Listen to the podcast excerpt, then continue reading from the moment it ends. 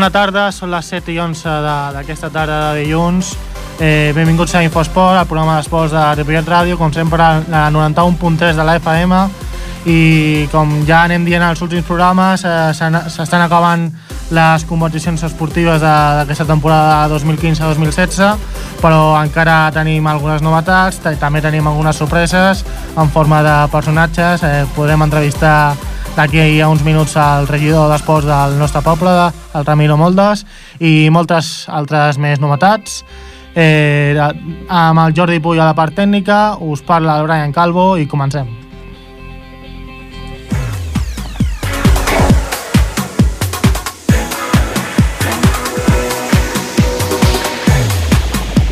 Doncs, com bé deia, eh, tenim avui una entrevista una mica especial de, amb el nostre regidor d'Esports.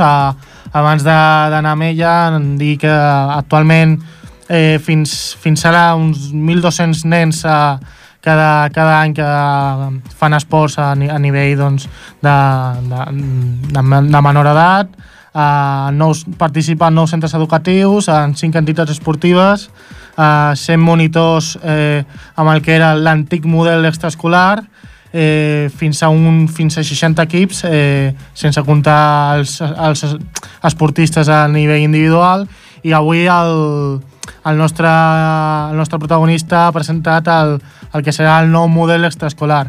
Eh, Ramiro, bona tarda. Hola, bona tarda. Eh, aquest nou model extraescolar, eh, per, què per què ho he fet i, i d'on sorgeix? Bé, um, el nou model és una inquietud que, que nosaltres teníem com a partit després dintre, de, dintre del patronat, ens hem donat compte que també, que també existia doncs, per, per poder per poder eh, juntar bueno, doncs, el foment de la pràctica esportiva dins del municipi a tots els nivells, bàsicament. I perquè sabem que hi ha, que hi ha un esport que és més competitiu, que és el, de, el dels clubs i entitats de, de Ripollet, i després doncs, volíem fer aquesta diferenciació dintre de, de l'esport doncs, amb, amb l'escolar, amb, una, amb uns valors més educatius i més, més integradors. Sí, eh, potser la, les característiques és el que, més bàsiques d'aquest nou model és el que acabes de dir, més educatiu, menys competitiu. Eh, en, en què es pot traduir aquest, aquest canvi? En, en que les com pot, poden variar la, la, les classificacions? Sí, per exemple, doncs, um, hi, ha, hi ha diversos valors que també a qui li interessi doncs, també comentar que, a més que se m'oblidi, que està penjat a la pàgina web del patronat, mm. qui tingui inquietuds de, de veure com, com és i, i vulgui aportar, la, doncs ho tenim, ho tenim aquí penjat, no? Doncs bàsicament és, eh, és intentar doncs, doncs això, de, de que dintre del, del, propi, del propi esport doncs, ficar uns mecanismes per, per aconseguir aquests objectius. No de... I després, doncs, dintre de més, anant més al gra, eh, sí. comenta doncs, que, per exemple, es traurien doncs, la puntuació la puntuacions individuals als, als esports eh, col·lectius i es puntuaria, per exemple, de, doncs, a, a, nivell, a nivell grupal. I els individuals traurien la, la, el, els pòdiums i, i cadascú tindria la seva, doncs, el, seu, el seu temps que faria en aquell esport exacte. Sí, perquè fins ara, eh, per exemple, si en un, en el futbol es feien... Eh, es premiava per quan més gols millor, no?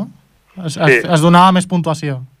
Sí, ara, ara que el que vos fem en els esports grupals és fer cinc parts, les quatre primeres, doncs cada part tindria un valor. Mm. Cada part, en, en comptes de, de, de que sigui que per guanyar hagis de sumar els gols es sumarien al, al temps. Cada temps sumaria. I llavors, doncs, qui aconseguissi més, més guanya cada temps, cada part, doncs es portaria la victòria. Després es faria un cinquè temps, que és la novetat, i el, el cinquè temps es basaria amb, amb que juguin entre o sigui, un, un amistós entre, entre tots els nens i nenes que hi participin. Llavors que seria un temps més integrador i de coneixença de, del rival i acabar amb un sabor de boca més, més col·lectiu que, que, amb, que amb la victòria amb la derrota que, que normalment ara se'n va. Sí, vale. A, a, tant al final dels partits com també a l'inici el que també es volen aplicar certs valors ètics com eh, sal saludar-se entre tots, no?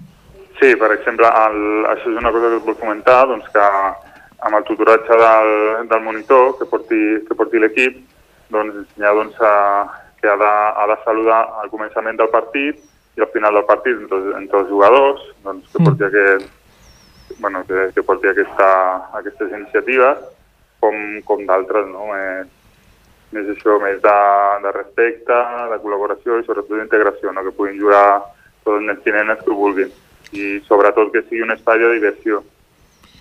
Eh, bueno, aquest, aquesta de, de saludar-se entre, entre els nens quan, abans i, i al final dels partits, això que es fa en el futbol professional, per què creus que eh, ja abans no es feia en, el, en aquest futbol? En el bueno, futbol extraescolar? Sí, bueno, també, també ara mateix no, no ho sé perquè no, no s'arriba a fer, però bueno, són aquestes coses que potser no se li donen una certa importància, igual es podria fer per anar passant temps, no, doncs és això, no, no se li dona el valor que ha de tenir i mm. creiem doncs, que és una forma molt, molt profitosa de, de començar i acabar un partit, sempre amb un fair play més, més adequat a les, a les fórmules de, de, doncs això, de, de, de joc net, de, de, que, bueno, de, de coneixença i d'anar a divertir-se, bàsicament. També comptareu amb la col·laboració dels col·legis i els professors. Sí, això és fonamental. Una de les coses que, que és el piló de, de tot aquest nou model extraescolar és, és la col·laboració dels consells escolars, de la SAMPA i, i amb el patronat. Doncs fer un grup de, de coneixença de tota la realitat que hi ha a, a les escoles i instituts doncs per, per, poder, per poder treballar plegats perquè creiem doncs, això, que, que mm, dintre de, de l'educació física doncs, també s'han de tractar uns, uns, uns esports que depenent de, de l'esport extraescolar que es faci, doncs tindria més sentit si es treballés plegant doncs, dintre, mm. dintre d'aquests espais.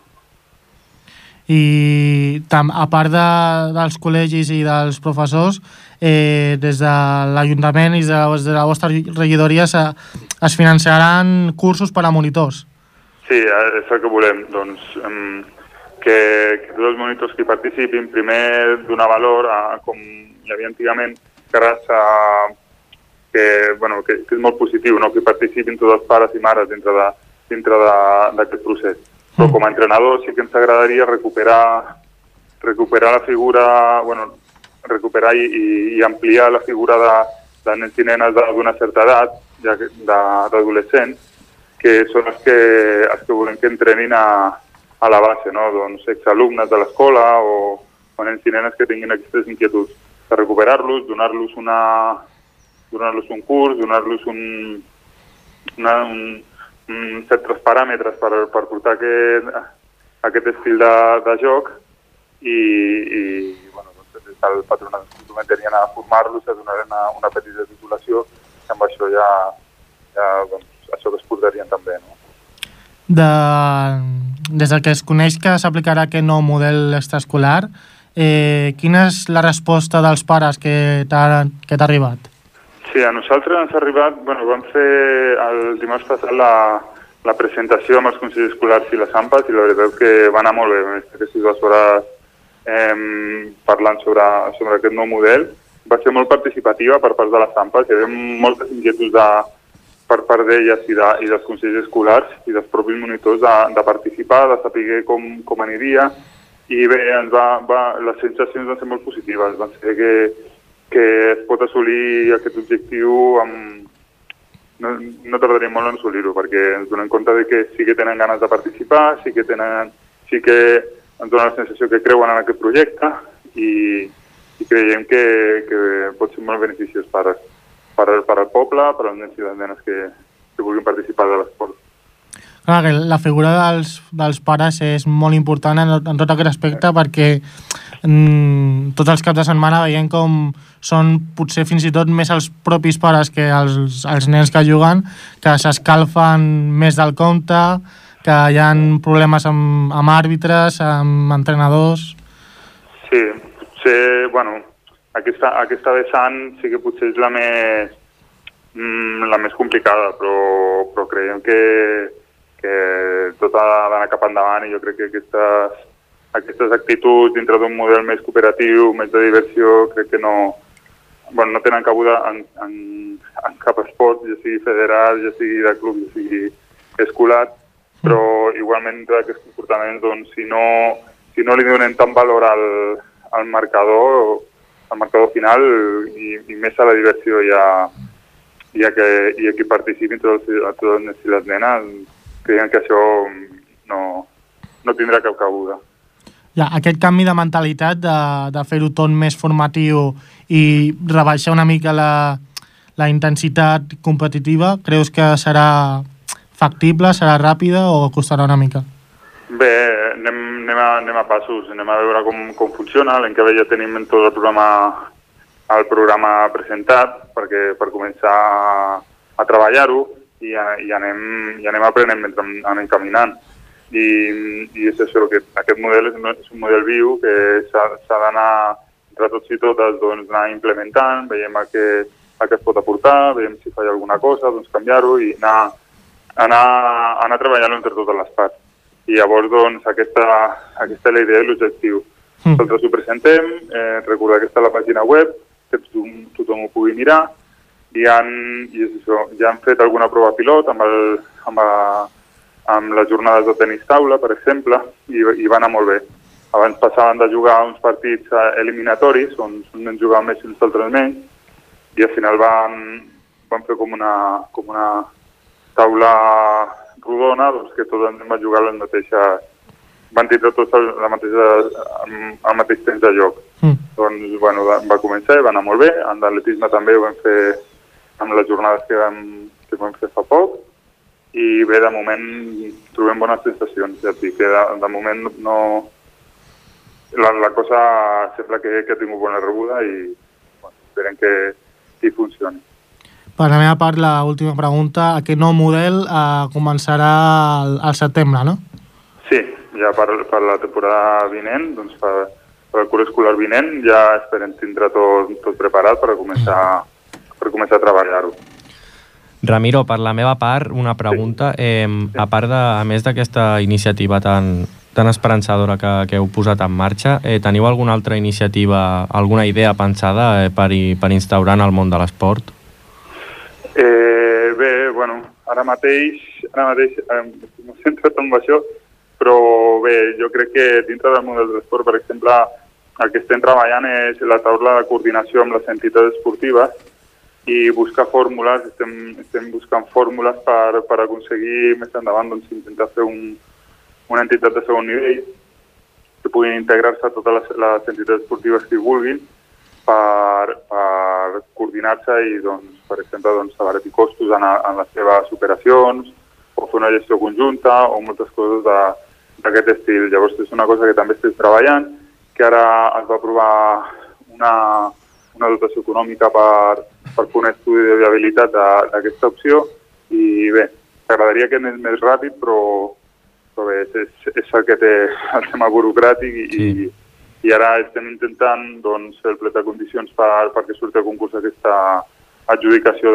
d'aquest estudi i bé, les entitats sí que ens arriba que tenen, hi ha algunes que tenen, que tenen ganes d'assolir aquest objectiu per, per l'any que ve, perquè també tenen unes, uns avantatges doncs, des, de, des de promocions, des de, des de patrocinadors i, i creiem que, que, bueno, que treballant amb elles i treballant plegats també es pot fer alguna molt, molt maco amb les entitats.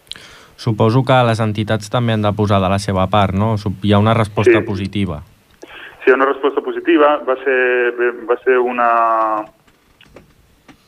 bueno, ho vam, ho vam agafar quan, quan vam començar tota la campanya electoral, ja fa, ja fa més d'un any, i vam agafar aquesta idea, la vam portar, la vam portar al nostre programa i, i ara doncs, doncs a respondre sobre, sobre aquest tema i, i ho comencem a treballar. Doncs, Ramiro, moltes gràcies per atendre'ns, eh, facilitar des d'Infosport la, la teva tasca i la de la teva regidoria per tot el que feu de l'esport aquí a Ripollet i esperem que aquest nou model tingui molt èxit des del començament, des del setembre. Sí, Moltes gràcies. Sobretot eh, és un treball molt complet i, i molt elaborat i, i molt treballat i, i amb una creença ferma en aquest valor de, de tot l'equip de, de tècnics del, tècnics i tècniques del patronat. S'ha d'agrair tot aquest treball. Segur que aquest treball es veurà recompensat i, i reflectit. Moltes gràcies, Molt. Ramiro. A vosaltres. És un altre.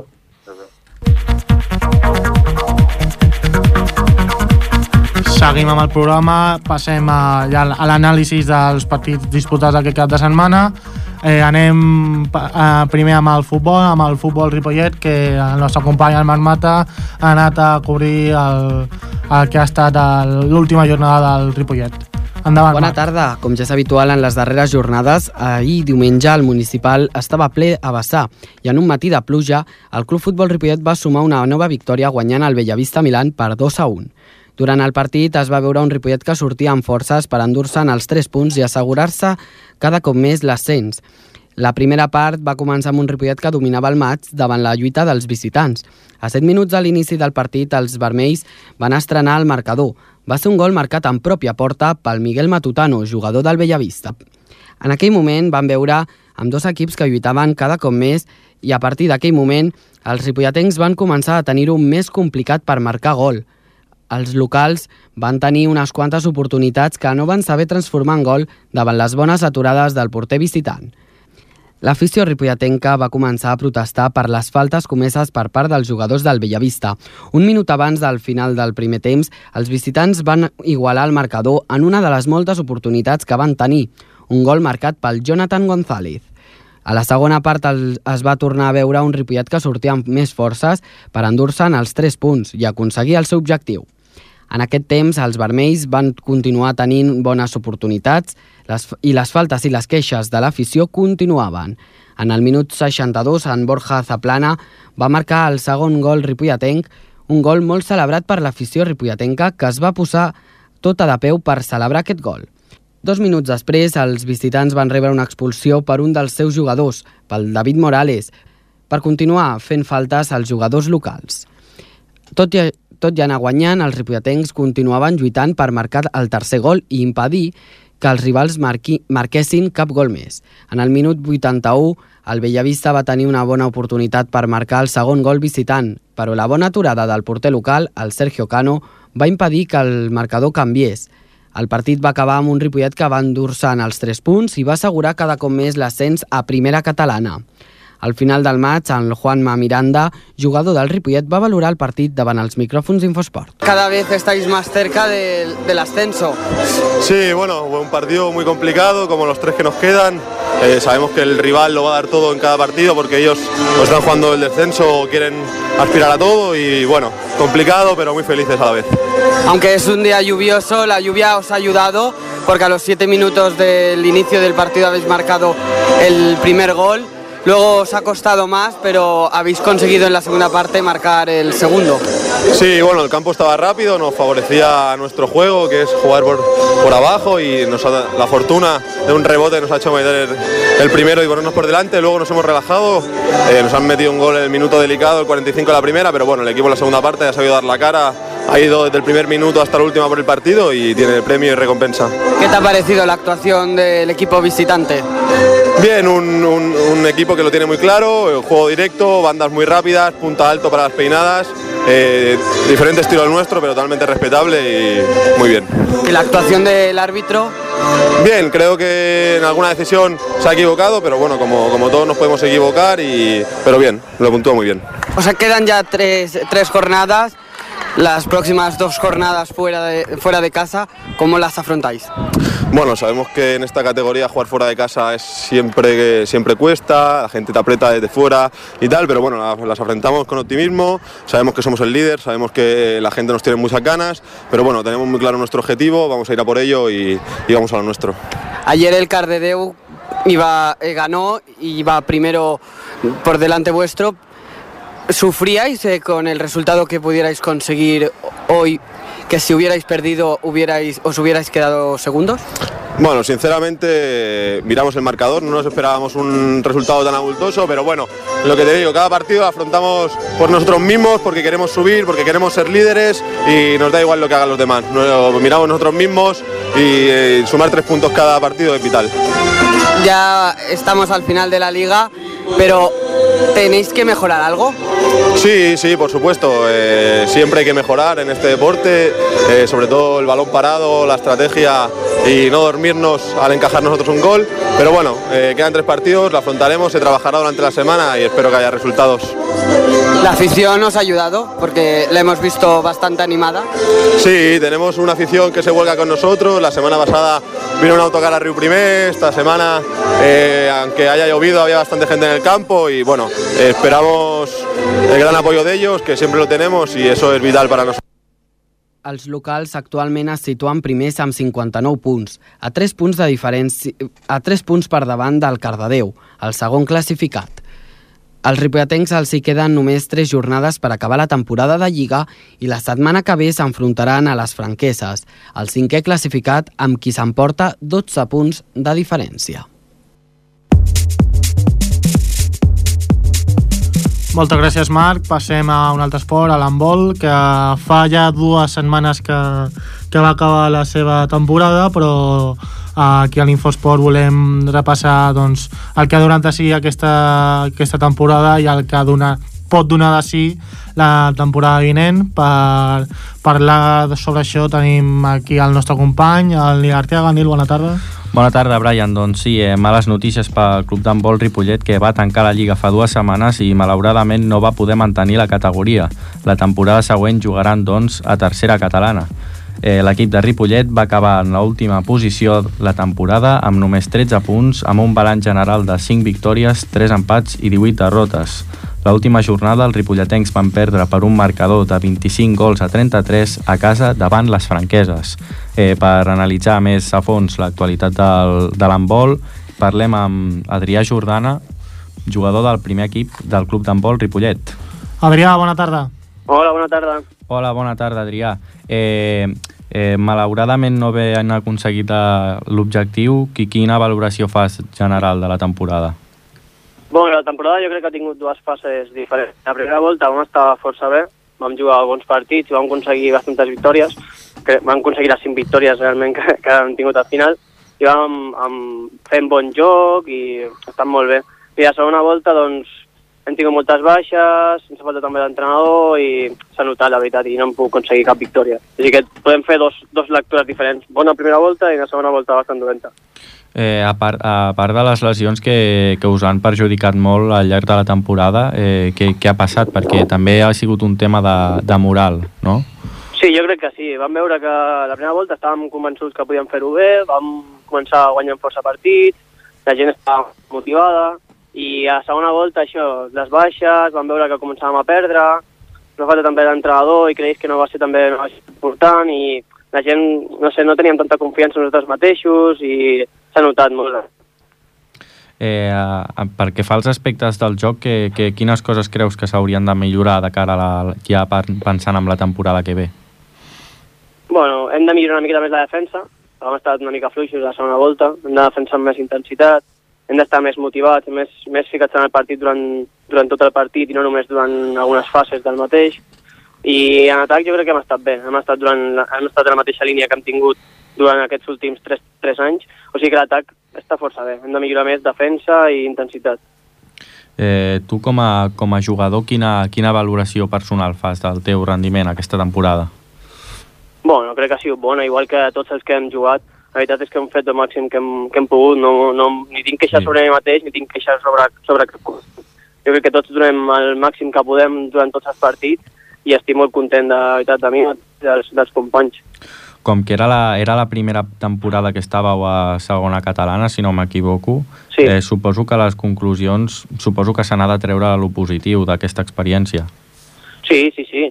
Fa, hem pujat dues temporades seguides, a la tercera preferent ja, aquesta, ja hem passat a pujar a segona i el nivell també es nota molt més.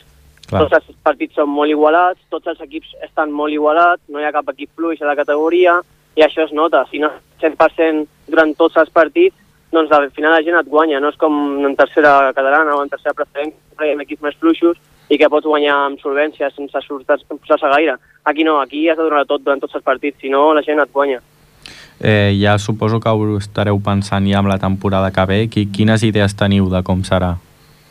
Suposo, bueno, espero que siguem més o menys els mateixos que estàvem aquest any i tenim, tenim molt bona plantilla, la veritat. Jo crec que podem lluitar per, per estar a les, les places de dalt un altre cop, igual que la temporada passada, i jo crec que podem fer molt bon paper. I per què no lluitar un altre cop per tornar a pujar a segona catalana? Doncs esperem que sigui així. Teniu algun, alguna idea de, de reforç per reforçar alguna posició? En principi, que jo sàpiga, jo no, de moment no sé res. No sé si vindrà gent nova o si marxarà gent que hi ha aquest any, no sé, però bueno, si la gent que vingui, benvinguts seran. La veritat és que aquí, més que, que jugar, jugar intentem guanyar sempre i tal, però també ens ho intentem passar bé. I la gent que ve nou Exacte. sempre el rebem molt bé i ens ho passem molt bé, o sigui que a més important jo crec que l'equip és que hi hagi una bona dinàmica del grup, que ens ho passem bé i quan això passa i ens ho passem bé, les victòries arribaran segur, sigui que que, que vingui benvingut sigui. L'ambient dins l'equip és bo, hi ha cohesió, no? Sí, sí, sí, sí. Hi ha molt bon rotllo, som molt amics tots, ens ho passem molt bé.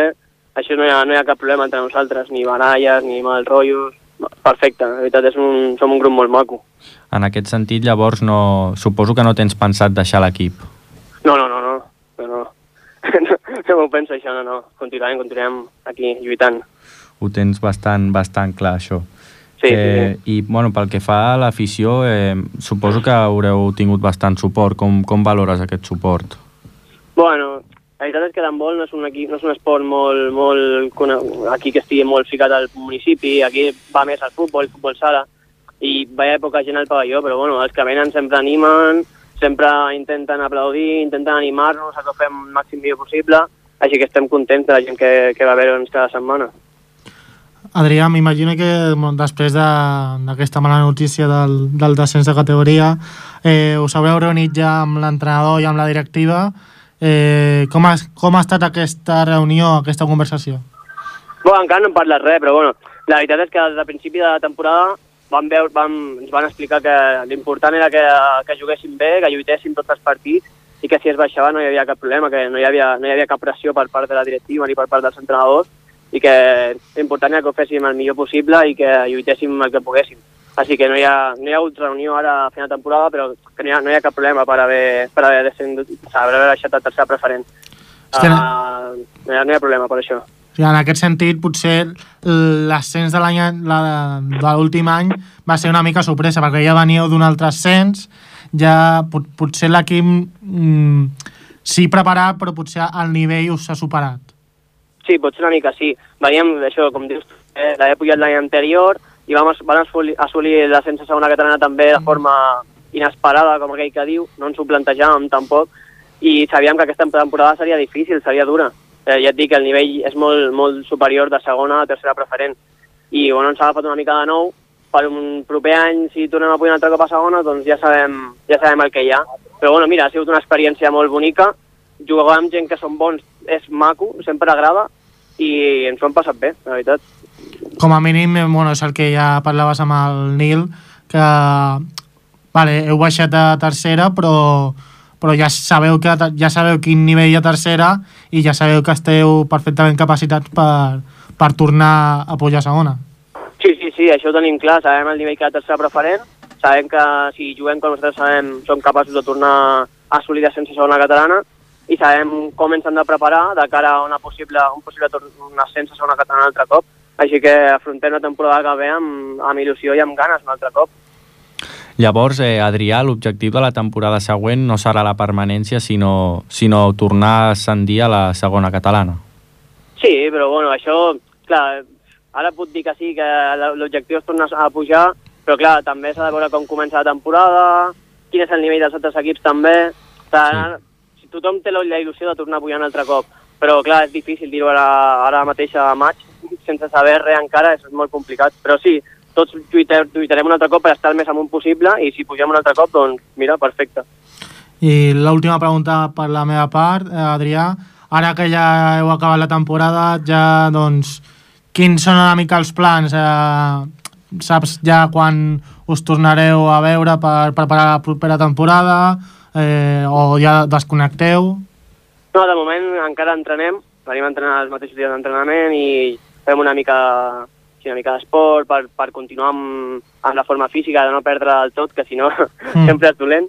I ja de cara al, al juny suposo que farem vacances i ja fins a setembre un altre cop. I a setembre un altre cop doncs a començar a tope. En la pretemporada? Sí, sí, sí. Doncs, Adrià, moltes gràcies per atendre'ns. Eh, tant a les bones com a les dolentes sempre ens has donat el, el, que, el que sent la, el, tot l'equip i tu personalment i com sempre donant la cara i us animem des d'aquí, des de l'Infosport que per l'any vinent segur que, que doneu un bon nivell i que aconseguiu un nou ascens a segona. Moltes gràcies, això, això intentarem com a mínim. Segur que sí. Moltes gràcies, Adrià. Molt bé, bona tarda. Fins una altra. Adéu.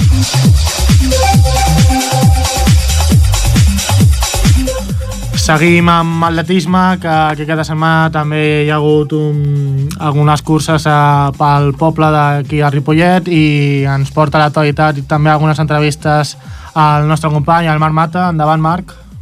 Aquest dissabte, 7 de maig, la Rambla de Sant Jordi es va omplir de gom a gom per gaudir de la vintena milla urbana Memorial Juan Suárez.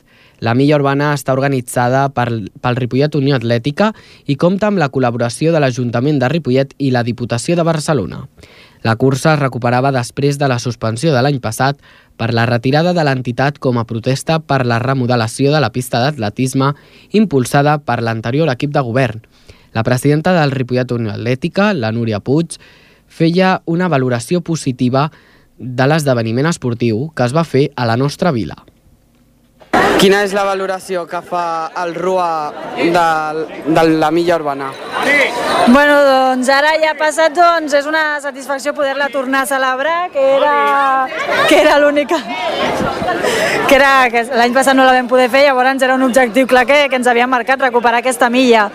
I, bueno, després dels nervis, de, de tota la preparació, de ser la primera vegada que l'organitzàvem, doncs fem una valoració positiva. Ens hagués agradat que hi hagués més participació, la, és l'únic però, però bueno, la, hem intentat involucrar el comerç i, i jo crec que ha sigut una milla amb que ara tocarà treballar perquè la participació vagi creixent.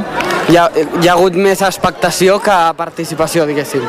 Bueno, és que de fet el fer-ho per la Rambla és el millor escenari on, te, on te es pot fer aquesta cursa, perquè no és, no és que vas a córrer un circuit de pista, no és que vas a córrer pel camp, sinó que corres pel mig de la teva ciutat. A mi és una cursa que m'encanta simplement per, per aquest fet. I sí, potser sí que hi ha hagut això, més públic que, que atletes, i intentarem que, que sigui l'any que ve que sigui al revés, o, o que, ha, que sigui igual a les dues bandes. Ara ja que s'ha fet la milla, quanta participació hi ha hagut? Doncs calculem que hi ha hagut uns, uns 200 participants, més o menys. La pluja us ha ajudat, ja que no ha plogut aquesta tarda, i aquest matí sí. Això ha fet que, hi hagi, que hagi sortit més gent a, a veure la, la, la milla? Sí, tothom patia aquest matí, aviam si plourà, si no plourà, però la veritat és que és una tradició d'aquest poble que sempre que hi ha algun esdeveniment sempre coincideix en pluja, per almenys en, en, el, en les coses d'atletisme. Però bueno, per sort ens ha respectat, la majoria d'inscrits finalment han vingut, que també era una cosa que teníem por, i el públic ha pogut sortir i ha pogut disfrutar de la milla i jo crec que en general ha anat molt bé. Quina valor... eh, quin objectiu teniu per la propera milla? Doncs res, la, la propera milla seguir treballant igual com en aquesta i simplement doncs, mirar potser tema de calendari i el que volem és que hi hagi la màxima participació possible. Sobretot, que, que això és una cosa que ens agrada també a les curses populars, doncs sí que s'ha animat molta gent. Ara hem de treballar perquè també els escolars, eh, la gent petita, s'animi, que és una distància que és molt assequible i això és un punt que, que ens marcarem sens dubte l'any que ve. Hi ha hagut gent que ha participat de fora de Ripollet, això farà que, hi hagi, que es faci més promoció de cara a l'any vinent? Bueno, sempre fem, o sigui, de cara als altres clubs de, de fora de Ripollet, sempre fem promoció enviant el, a, a través de la federació, enviant eh, la, la publicitat de la milla, el cartell, i això ja és una tasca que ja es fa eh, de per si. Costa, la feina potser la, la tenim més en aquí al poble, d'anar a les escoles, de conèixer, de, de, que, de que la gent escolar s'animi, perquè al final aquestes curses no volem, o sigui, si ve gent de fora, òbviament, tothom ben rebut, però el que volem és que la gent de Ripollet s'animi a participar en els esdeveniments en els esdeveniments que fem aquí a Ripollet. Mm -hmm. Tu, com a presidenta, has fet l'entrega dels premis, però a més has rebut un premi ja que has participat també a la cursa. Sí.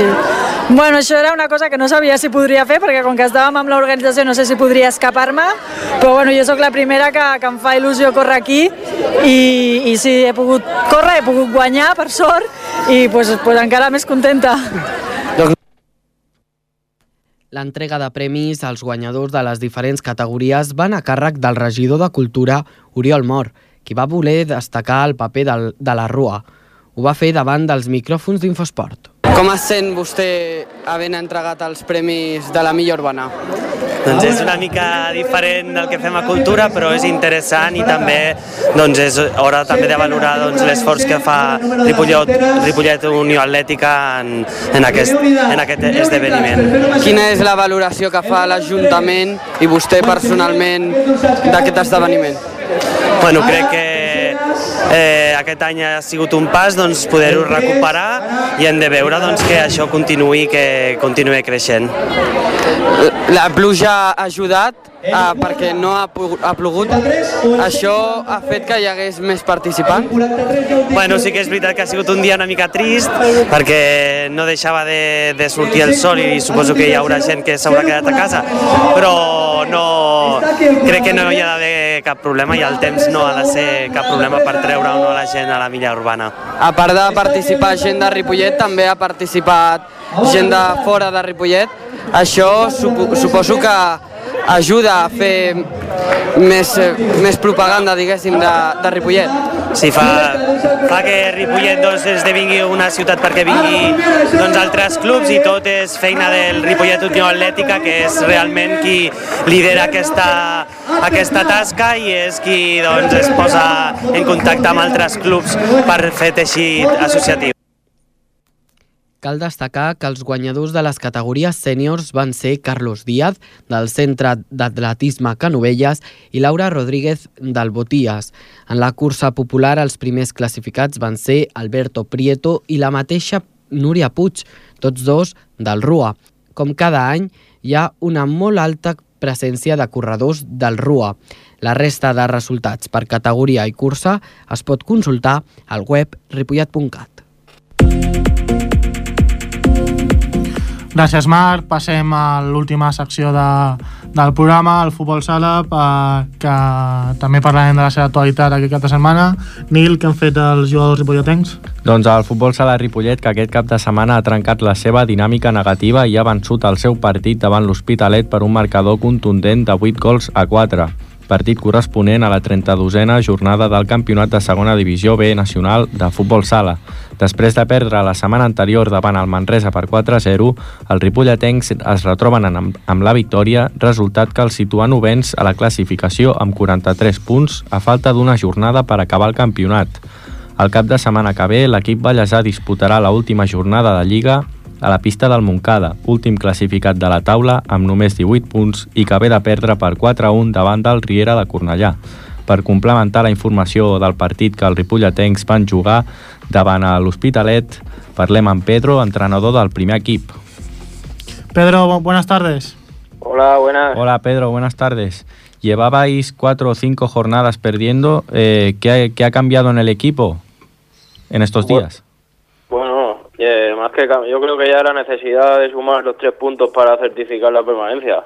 Realmente, porque lo que es de juego no, no hemos cambiado mucho.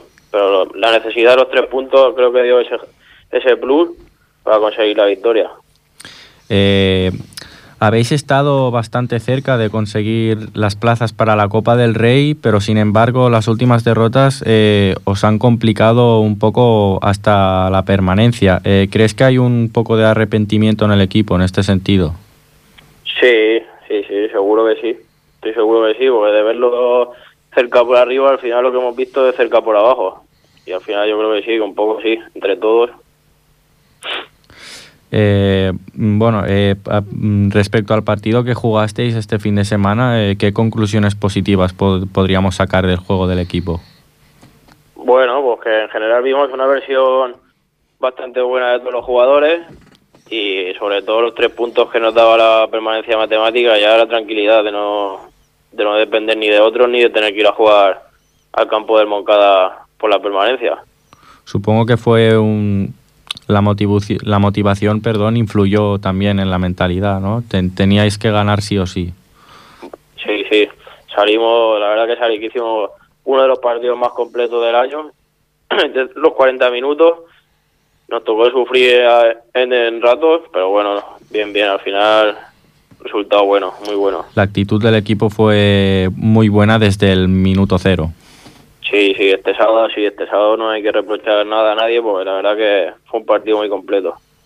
Y bueno, eh, eh, la semana que viene, como ya estáis matemáticamente salvados, eh, partido intrascendente, supongo que, que vas a hacer rotaciones.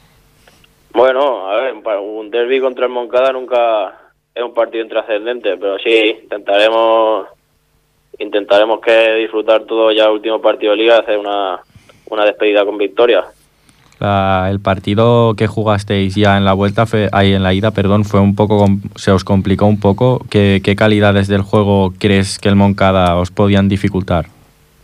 Sí, bueno, aquí en la ida, como bien dice, se nos complicó, es más, ganamos a falta de, de un minuto, un minuto y medio, metimos el 5-4 eh, y atacando de 5, pues sí, pues se, po- se ponen atrás, salen bien al contraataque, si tú no estás bien atrás te pueden enganchar en una contra, pero bueno, yo creo que somos superiores y tenemos que acabar la liga con victoria en su casa. Eh, bueno, como habéis ganado el Hospitalet, supongo que, que la, la moral está más alta ahora. Sí, sí, vaya. Yo creo que, como, como dicen los profesionales, ganar ayuda a ganar y yo creo que esta semana iremos con la moral alta a jugar a Moncada. Eh, haciendo una valoración general de la temporada, ¿cómo, cómo la calificarías? Eh, la temporada en general ha sido buena. Yo para mí siempre se puede mejorar y bueno, como bien, como bien ha dicho antes, esto- este mes y medio han borrado un poquito la cosa porque, claro, cinco derrotas seguidas, son 15 puntos, que a lo mejor los 15 no lo hubiéramos hecho, pero si de esos 15 hubiéramos sacado 6, 8, 9, ¿sabes? Estaríamos pues eso entre el quinto y el octavo, que yo creo que es donde tendríamos que estar. El objetivo entonces de quedar entre los primeros no, no se ha cumplido. Bueno, a ver, una vez que ya arranca la liga y más o menos todo el mundo se va poniendo en su sitio, lo de quedar entre los cuatro primeros se veía bastante complicado, porque realmente, como no sé si te lo he comentado alguna vez, creo que sí que las, las, las cuatro plantillas que han quedado entre los cuatro primeros son muy, muy potentes Son muy potentes. a nivel de, de jugadores, de, ya de a nivel de staff técnicos que trabajan con mucho más en medio, digamos, ¿sabes? Y se nota, se nota. Luego lo que eso, pues quedar del quinto al octavo junto con Unión, Hospitalet, Manresa, nosotros, yo creo que estamos entre en ese grupo de cuatro plantillas. Pero claro, también hemos tenido muchas bajas, bueno, muchas bajas. Sí. Manel, Pipa, segunda vuelta, han participado, bueno, Pipa de hecho ha jugado dos partidos de segunda vuelta, ¿verdad? Y aún así va a quedar el pichichi del equipo, Eh, se, se nota mucho. La temporada que viene jugaréis en la misma categoría. Supongo que ya el objetivo sí que va a ser intentar quedar entre los tres primeros para conseguir la- los puestos de copa. Bueno, a ver, está claro que siempre cuanto más arriba mejor, pero eh, no caer en el mismo error de este año de poner un objetivo demasiado alto en un principio y luego tener que modificarlo. La suyo es ir partido a partido y, y poco a poco. ¿Habéis empezado ya, supongo, a pensar en la temporada que viene? ¿Algún, algún refuerzo para, para reforzar la plantilla? Sí, sí, sí. Estamos, bueno, de hecho estábamos esperando ya para certificar la permanencia, porque claro, hasta que no tienes los puntos asegurados, no puedes empezar a hablar con nadie, pero sí, ya, ya vamos en camino de, de los refuerzos. Eh, ¿Qué posiciones habéis pensado reforzar? Bueno, a ver, más o menos jugador por jugador para complementar las bajas que tendremos. Tendremos aproximadamente unas cinco bajas, pues jugador por jugador. será puesto por puesto. Ahora mismo no sabría decirte, pero sí, pues cinco, cinco altas tenemos previstas, cinco o seis altas. Tú como entrenador, como futuro, supongo que te ves dentro del club de momento. Sí, de, de momento un año más, sí. De momento hemos hablado por un año. El año que viene seguiremos. Pedro, por mi parte, hablabas antes con mi compañero de, del cambio de que supuso el objetivo de mirar la Copa del Rey a mirar los puestos de descenso. Eh, ¿Has visto en los jugadores eh, nerviosismo? ¿Crees que ha costado cambiar el chip? Bueno, a ver, nerviosismo no, pero sí que ya estas últimas semanas, viendo el calendario incluso, que, que ya teníamos, al perder el partido, por ejemplo, ya el Espluga en casa, el día de Ibiza en casa, que, que tú cuentas con esos puntos, pues a priori son rivales más, más sencillos, y luego ves que tienes que ir a Manresa, que te viene Hospitalet, eh, que vas al campo de la Unión, pues no nerviosismo, pero diciendo, eh, cuidado. Pero no, no, al final el equipo ha dado un paso adelante, ha conseguido los tres puntos que necesitaba. Y bueno, ganando esta semana serían 46 puntos, que yo creo que es un buen puntaje para el nivel de la liga. Y yo creo que acabaríamos contentos todos. Como siempre ha dado la cara. Por... Y la última, eh, Eh, bueno, eh, ¿cómo, ve, cómo, ¿cómo ves el equipo? En la, ¿Qué ideas tenéis para la próxima temporada? ¿Cómo va a ser la categoría? ¿Será más o menos igual?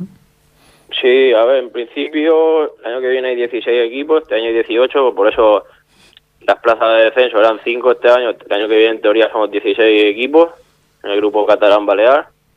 Yo creo que el nivel será pues, muy parecido, incluso un poco mejor, porque a ver si hay dos equipos menos, de esos 16, pues serán más competitivos aún si cabe. pues la última que se me había ido de la mente, eh, en el desplazamiento a Moncada, ¿esperas que, que la afición, eh, aunque el partido en cuanto a clasificación no sea demasiado importante, la rivalidad que hay con el Moncada, ¿esperas que la afición se mueva o...? o Sí, sí, por supuesto, por supuesto que espero a la gente que, que venga a animarnos como lo han hecho en todos los partidos, en casa y fuera, y por lo que dices tú, un derby contra el Moncada no deja de ser un partido más, o sea, súper importante. Pues- Aunque no nos juguemos nada, vamos a estar a tope. Pues eh, Pedro, muchas gracias por tu colaboración. Eh, esperemos que la temporada siguiente sea más positiva y ambiciosa y podéis llegar a vuestro objetivo y muchas gracias al equipo y que vaya muy bien. Muy bien, muchas gracias a vosotros también. Hasta la próxima. Adiós.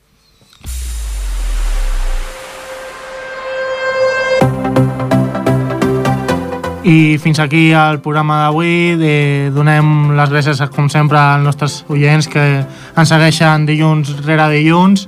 Eh, ens tornem a trobar d'aquí a dues setmanes, ja que el 16 és el dia de la segona Pasqua. Eh, ens tornem a trobar llavors el 23 de, de maig. Eh, com sempre aquí de 7 i 10 a 8 de la tarda, la 91.3 de la FM, Ripollet Ràdio. Fins aleshores, durant aquestes dues setmanes, eh, molta feli- felicitat i molt bona feina.